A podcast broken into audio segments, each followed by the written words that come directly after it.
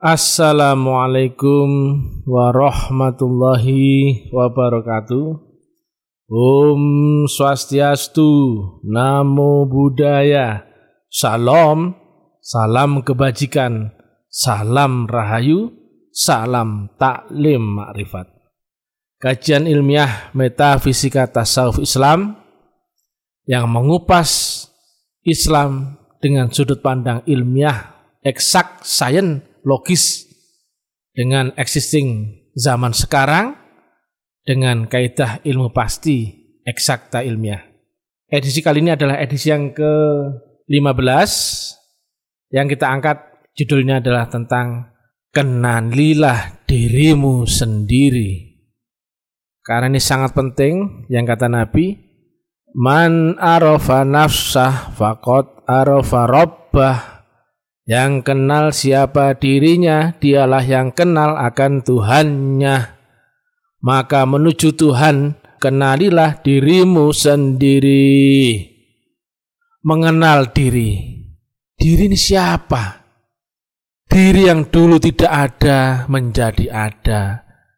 Kemudian setelah mati kita melihat orang-orang itu hilang lenyap. Tidak ada wujud bekasnya lagi di dunia selain cendera matanya saja napak tilasnya saja. Orangnya telah hilang. Yang hilang menjadi cerita. Yang dulu tidak ada menjadi ada dan tidak ada lagi. Kemudian diri ini siapa? Diri yang berwujud, ada yang berkumis, berambut, kulit, berdaging, otot, bertulang, dan sebagainya. Kita ngaca, kita ngelihat diri. Tapi ini diri yang mana? Sedangkan di balik diri ini yang kelihatan wujudnya ini ada lagi diri. Itu diri yang mana? Kenapa kalau kita diperintah ibadah, menyembah untuk mencari asalmu, asalmu, asalmu di mana engkau dulunya tiada, maka dia membuat engkau ada di dunia ini. Dan engkau masih pulang ke alam ketiadaan dunia, yaitu dirimu yang sesungguhnya telah kembali pulang kepada yang memiliki dirimu, diri yang berlapis-lapis. Diri yang kata Nabi, engkau mesti masuk ke dalam dirimu secara kafah. Kalau belum menyeluruh ke dalam dirimu, engkau tidak akan kenal dirimu dan engkau tidak akan tahu jalan pulangmu dan engkau tidak tahu hakikat siapa dirimu, dari mana engkau berasal diri yang zahir, diri yang batin. Maka kata Nabi, Udkhullu fisilmi kafah, masuklah kamu. Kalau misalkan ada orang disuruh masuk, masuklah. Tentu dia masih di luar, disuruhlah masuk. Kalau orang sudah di dalam nggak mungkin diperintah masuk. Maka orang normal, orang umum, orang awam itu masih di luar dirinya. Maka diperintahkan untuk masuk dalam dirinya, yaitu orang itu masih di alam badan kasar jasmanimu untuk masuk ke dalam alam halus badan halus rohanimu. Barulah engkau menjadi kafah.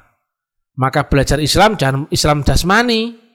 Jangan Islam jasmani tok, tapi Islam sampai Islam rohanimu jasmani saja tanpa ada rohani. Tapi rohani pasti jasmani mengikut. Maka perintah udkhulu fisilmi kafah adalah perintah untuk masuk ke dimensi rohanimu. Masuklah ke dalam diri rohanimu. Karena jika engkau masuk ke dalam diri rohanimu, jasmanimu otomatis ngikut, maka engkau menjadi utuh menyeluruh jasmani dan rohani. Karena rohani ada dimensi di atas dimensi jasmanimu, maka seorang yang masih di strata SMP, nggak mungkin dia punya ijazah SMA. Tapi kalau dia telah sampai di lulusan SMA, dia pasti punya ijazah SMP, itu sudah pasti.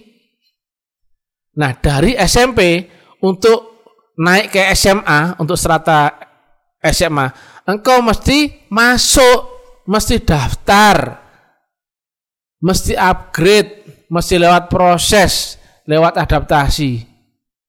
Ada proses dari luar ke dalam. Ada yang belum menjadi sudah. Ada yang daftar baru bisa ikut. Ada yang belum dibayat menjadi terbaiat. Masuk ke dalam diri rohanimu. Sementara orang yang di alam dunia pasti panca inderanya fungsi, akalnya fungsi, subjektivitasnya fungsi, dan itu pasti ada interpretasi. Yang kau lihat pasti memberikan kesan di dalam dirimu. Entah itu kau akan suka, entah kau akan benci, pasti ada nilai di dalam apa yang kau lihat. Maka sangat berhubungan erat antara panca indramu, pikiranmu, seleramu, akalmu, dan subjektivitasanmu. Padahal selera orang beda-beda. Ada yang suka pedas dan tidak pedas. Ada yang suka soto, ada yang suka rawon. Maka bagi si A yang suka rawon, tentu soto nggak begitu enak, enakan rawon. Tapi bagi si B yang suka rawon, tentu soto nggak begitu enak, yang enak rawon. Apakah itu kita akan mengenal Allah? Tentu tidak bisa. Sedangkan Allah itu maha objektif, kausalitas dari segala sumber objektif. Maka kita tidak mungkin mengenal Allah selama subjektivitasanmu masih ada. Interpretasimu masih pakai akal, masih pakai gelombang dunia. Karena dia adalah maha roh dan kau adalah sebetulnya adalah roh. Hanya saja kau diturunkan ke dunia beserta dengan badan kasarmu atau casing pembungkusmu. Yang casing itu ada di dimensi dunia menjadi wujud jasmani. Tapi engkau yang sungguhnya adalah rohani. Saat engkau beli rokok, yang kau tuju adalah batang rokoknya. Bungkusnya kalau selesai kau buang. Demikian jika orang saat dihidupkan di dunia, sebetulnya urusannya adalah lewat dengan rohaninya. Maka diberilah umur limit badan kasarmu agar selesai umur badan kasarmu, engkau mestinya bisa pulang. Lah bungkusnya rokok itu dipakai selama masih ada rokoknya di situ. Lah kalau rokoknya sudah kau hisap habis, masa bungkusnya kau simpan? Ya enggak lah, bungkusnya udah nggak diperlukan lagi ya dibuang. Maka kehidupan dunia itu sebetulnya sebatas umur jasmanimu saja. Sedangkan jasmani ada limit batasnya, ada expirednya, ada batas ambangnya. Makanya yang bernyawa itu akan mati. Sedangkan roh tidak ada matinya. Karena roh pun awalnya dari unsur Allah sendiri. Kutipkan sebagian rohku dan kau bersujudlah. Maka roh mestinya kembali kepada yang maha roh. Makanya tujuan kita diciptakan di dunia adalah mencari jalan pulang. Selama rokoknya masih ada, masih berupa batangan, bungkusnya itu masih diperlukan. Selama engkau mencari jalan pulang seumur dunia, maka engkau butuh badan jasmanimu. Tapi ketika engkau terikat dengan ruang dan waktu di dunia dan belum bisa pulang, maka mau nggak mau nyawa itu akan diambil dan konsekuensinya jika ruhmu belum bisa pulang ke hadirat Allah Ta'ala, maka ancaman Allah akan siksa kubur, akan neraka, akan derita, pasti akan kita alami. Kau yang zahirmu itu dulu nggak ada, menjadi diadakan dan besok menjadi tiada kembali. Tapi ada rahasia di balik itu. Yang kau sesungguhnya adalah ada yang ruh itu. Engkau ada karena Allah, maka adamu mesti kembali kepada Allah Ta'ala. Maka kata Nabi, man arafa nafsah fakot arafa robah. Kenalilah dirimu sendiri, dirimu yang siapa? Dirimu yang ada di balik wujudmu itu. Kau bukan yang wujud itu, itu casingmu saja. Siapa kau itu? Kau itu rohani.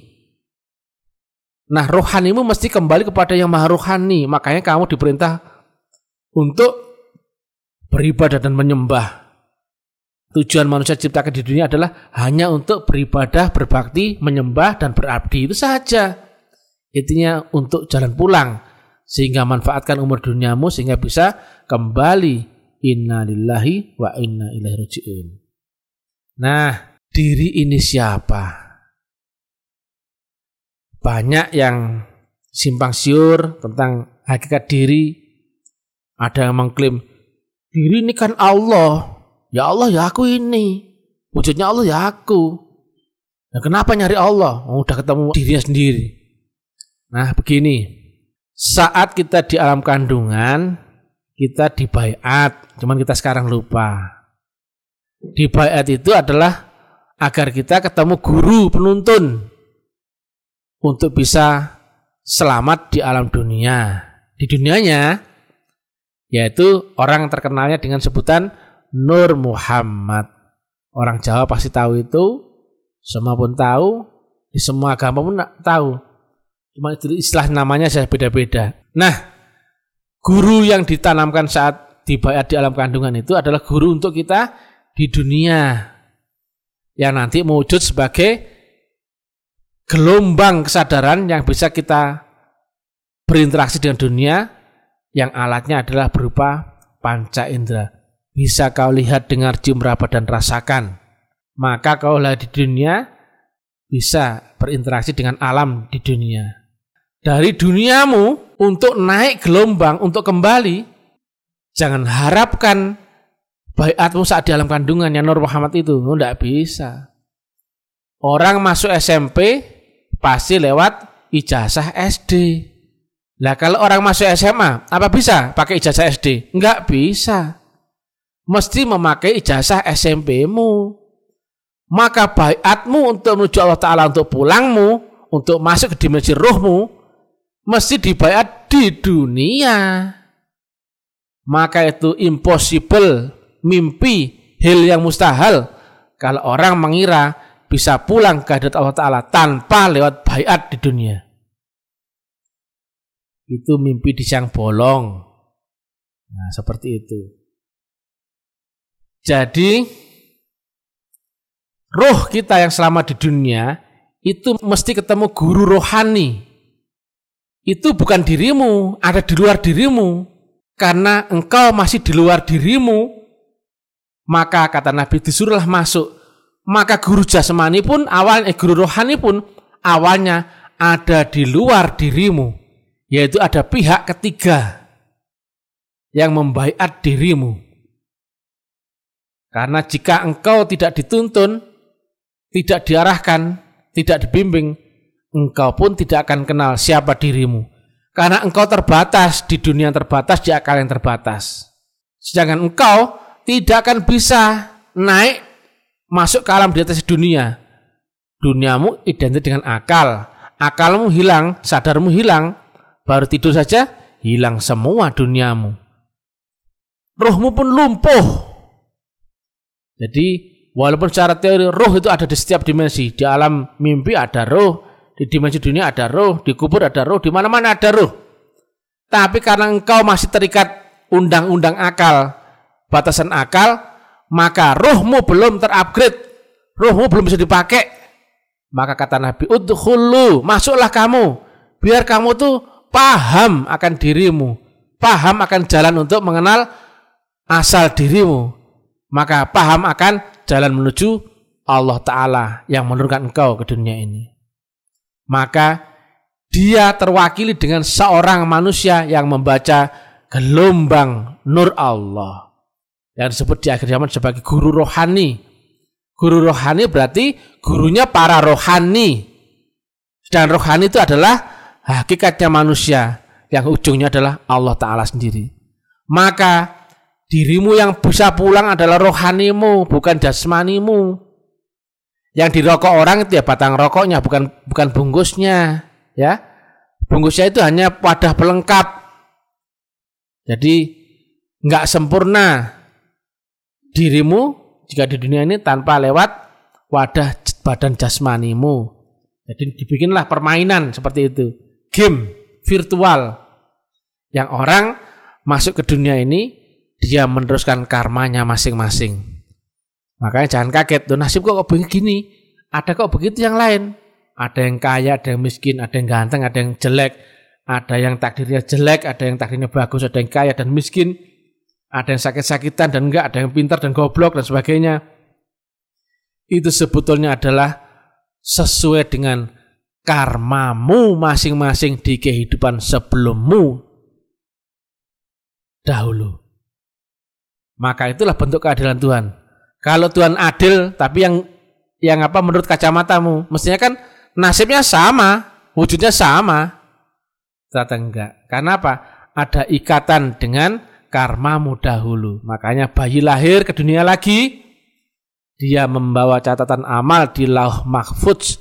Loh siapa beramal loh orang yang baru lahir, katanya baru lahir tuh nggak ada dosa atau zero. Iya, setiap lewat portal pasti lewat titik zero. Tapi titik zero itu akan kemudian berangsur-angsur merekam karmanya dahulu menjadi kehidupan, menjadi virtual dunia, mau wujud sebagai kejadian atau kodok dan kodar. Makanya ada yang tidak bisa dirubah, ada yang bisa dirubah. Ada yang bisa diusahakan dan ada yang bisa tidak bisa diusahakan. Ada yang fitrah, hukum sunatullah, ada yang lepas dari itu sehingga akan mendapatkan adab dan sebagainya. Intinya kehidupanmu dunia ini sebetulnya adalah meneruskan laku, lakon untuk ruhmu bisa pulang. Karena jika ruh nggak bisa pulang, yang ruh itu nggak bisa mati, nggak ada matinya, yang mati cuman episode kehidupanmu sekarang ini saja. Kalau episode ini belum selesai, oh, naik ke episode berikutnya. Belum selesai juga, oh episode lagi. Itu kan namanya kalau TV itu kan sequel ya. Kalau film itu ada dibikin episode pertama, episode kedua, ketiga dan seterusnya. Lah kalau episode itu belum khatam, belum selesai, ya episode terus saja. Kalau bahasa Hindu Buddha disebut reinkarnasi. Lingkaran kelahiran kembali dengan meneruskan karma yang kau belum ketemu alam mahardiko, alam kesejahteraan, keabadian, alam kesempurnaan. Dari dirimu itu ada di dua dimensi, dimensi jasmani, itu bangkai saja itu jasmanimu tuh. Nanti pulang kembali menjadi asalnya bangkai. Asalnya bangkai ya tanah. Ya nanti pun kembali ke tanah. Lah ruhmu mau ke mana? Pulang ke Allah Ta'ala. Eh, belum tentu. Jalannya kau sudah tahu belum? Gurunya rohanimu sudah tahu belum? Kok mau pede mau ke sana? Karena jika engkau tidak kenal Allah di dunia, engkau pun tidak akan kenal Allah di akhirat. Jika engkau tidak ketemukan guru rohani, maka engkau pun tidak akan sampai kepada yang maha rohani Allah Ta'ala sendiri. Kutiupkan sebagian rohku, maka dalam hal ini Allah berkonteks ada dia adalah maha rohani dan rohanimu adalah bagian dari sisi Allah Ta'ala sendiri. Maka rohmu mestinya pulang kepada yang maha roh. Maka hakikat dirimu adalah rohmu. Dan hakikatnya ujungnya adalah Allah Ta'ala sendiri. Tetapi jika akalmu menafsirkan dengan sudut pandang yang terbatas, dengan interpretasi, dengan keyakinan, kepercayaan yang tidak pernah kau buktikan lewat guru cahaya, guru rohani, maka walaupun akalmu membenarkan itu, tapi hakikatnya engkau pun akan sesat. Ada praktek karena yang berkeyakinan diri kita adalah Allah. Ya kita ini Allah. Maka dia sholat, dia zikir, menghadirkan wujud dirinya. Artinya dia masih menyembah dirinya. Itu sangat keliru. Jika tidak lewat metodologi, nah dirinya itu siapa dirinya? Dia pun nggak tahu. Maka dia hanya menyembah bangkainya sendiri. Badan jasmania sendiri. Untuk itu, sadari bahwa dunia ini hanyalah mimpi, hanyalah fata morgana. Sebetulnya tidak ada. Itu cuman gelombang energi yang mewujudkan virtual sehingga bisa kau lihat seperti ini itu ini itu, kau dengar seperti ini itu ini itu. Sehingga panca indera membuat nasib yang berubah-ubah, dunia berbeda-beda. Si A melihat dunia berbeda, si B melihat dunia berbeda. Rumahnya pun ada yang dilihatnya jelek, rumahnya ada yang dilihatnya bagus, nasibnya ada yang dilihat jelek, ada yang nasib dilihat bagus, ada yang kaya, ada yang miskin, ada yang bagus, eh, tampan, ada yang jelek. Itu adalah virtualnya sendiri-sendiri. Yang sebetulnya virtual itu pun hanya berupa gelombang energi. Itu bahasa eksak sains fisika. Tapi itu menjadi nyata karena panca inderamu bisa bersinggungan atau bisa bersentuhan, berinteraksi, maka bisa kau lihat, kau dengar, cium, meraba dan rasakan. Padahal begitu akalmu lumpuh saat hilang sadarmu, panca inderamu pun tidak ada lagi, tidak terpakai. Maka dunia pun lenyap detik yang sama ketika hilang sadarmu. Anak istrimu hilang, dirimu hilang, duniamu hilang, semua hilang.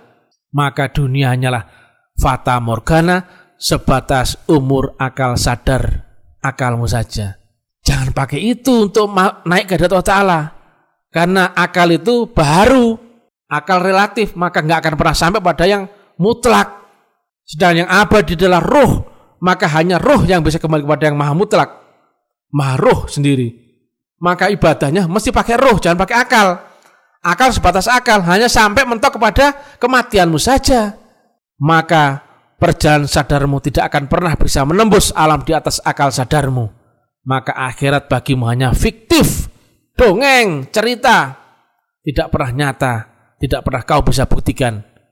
Padahal bisa kalau tahu tekniknya. Bisa kalau tahu metodologinya, syarat rukunnya, teknologinya.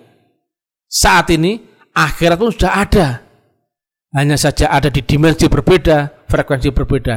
Ketika engkau bisa menyingkap rahasia dunia ini fata morgana dan tidak nyata, engkau akan ketemu kenyataan di atasnya alam dunia, yaitu kenyataan akhirat yang bisa ditembus hanya dengan rohanimu. Pelajari tentang rohanimu. Maka ajarkanlah kepada guru rohani. Ajarkanlah atau belajarlah kepada guru waliya mursyida. Dia adalah mahruh dan gelombangnya adalah gelombang rohani alamnya pun alam rohani.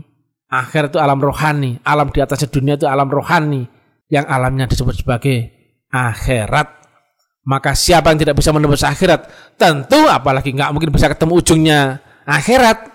Sementara Allah menyebut dirinya adalah Maliki Yaumiddin. Aku raja di akhirat. Artinya apa? Ada di ujung tertinggi lapis langit akhirat. Sementara kamu menembus akhirat aja nggak bisa hanya berpegang akan teori, pendapat, debat, diskusi, bacaan, dogma, cerita. Masa yang begitu mau pakai untuk menghadap Allah Ta'ala? Begitu akalmu lumpuh, masuk ke alam kubur dan sebagainya. Ditanyalah di dalam kitab itu, man buka. Apa kamu bisa jawab? Oh, akalmu aja sudah lumpuh. Bullshit, Belgedes. Kalau kau kira kau bisa menjawab ketika ada pertanyaan man buka Allah, Belgedes. Akalmu aja sudah lumpuh. Orang tidurnya sudah nggak laku akalnya. Orang tidur tanya man buka bisa jawab gak? Man nabiuka? Tahu aja enggak, kedengaran aja enggak. Maka hanya orang-orang yang ketemu guru rohani yang berproses di alam rohani yang bisa menembus akhirat lewat jembatan Sirotol Mustaqim mereka itulah yang selamat karena diselamatkan, karena mendapatkan syafaat, bisa nyebrang ke seluruh lapisan alam dimensional. Mi'raj dibuktikan sekarang, bukan nanti, bukan cerita. Karena telah ketemu rukun syaratnya, metodologinya, tekniknya, teknologinya, gurunya, jalannya. Maka yang dialami Nabi saat Mi'raj, kita pun mutlak akan ketemu juga karena gurunya sama, jalannya sama, prosesnya sama, maka berpeluang yang dialami Nabi pun akan kita alami juga. Just the same way. Ketika kita lewat jalan sama, maka akan ketemu kejadian yang sama. Demikian yang bisa kami sampaikan. Mudah-mudahan manfaat. Salam taklim marifat, salam kebangkitan tasawuf ilmiah. Rahayu, rahayu, rahayu. Salam khusus kepada saudara-saudara saya yang kejawen. Kita semua berharap ingin pulang ke alam keabadian manunggal, mahardika, sampurno, sejati, sejati rasa, rasa sejati. Maka kita pulang ke alam keabadian dalam keadaan ridho dan diridhoi. Ya ayatuhan nafsul mutmainnah, irji'i ila rabbiki radiyatan mardiyah, fadkhuli fi ibadi wadkhuli jannati. Jangan lupa ikuti urayan ilmiah kami di FB, WA, YouTube, Instagram, Telegram, dan lain-lain. Dan bagi yang berniat serius belajar, silahkan hubungi admin Bantu share uraian kami ke mana-mana agar banyak saudara lain ikut tercerahkan. Ilahi anta maksudi waridhoka mardubi. Sekali lagi, dirimu bukan bangkai hidup itu. dirimu adalah roh yang terpenjara jasad, maka kenalilah dirimu sesungguhnya di balik badan jasmani, di balik wujud jasmanimu, yang rohmu tidak tidur, tidak mati, tidak pingsan, tidak berjenis kelamin, tidak terikat ruang dan waktu. Kenapa kau di dunia menjadi terikat dan waktu? Kenapa menjadi berwujud? Kenapa menjadi lemah terbatas? Maka singkaplah rahasia untuk bisa pulang ke Allah Ta'ala dalam keadaan menang. Wassalamualaikum warahmatullahi wabarakatuh.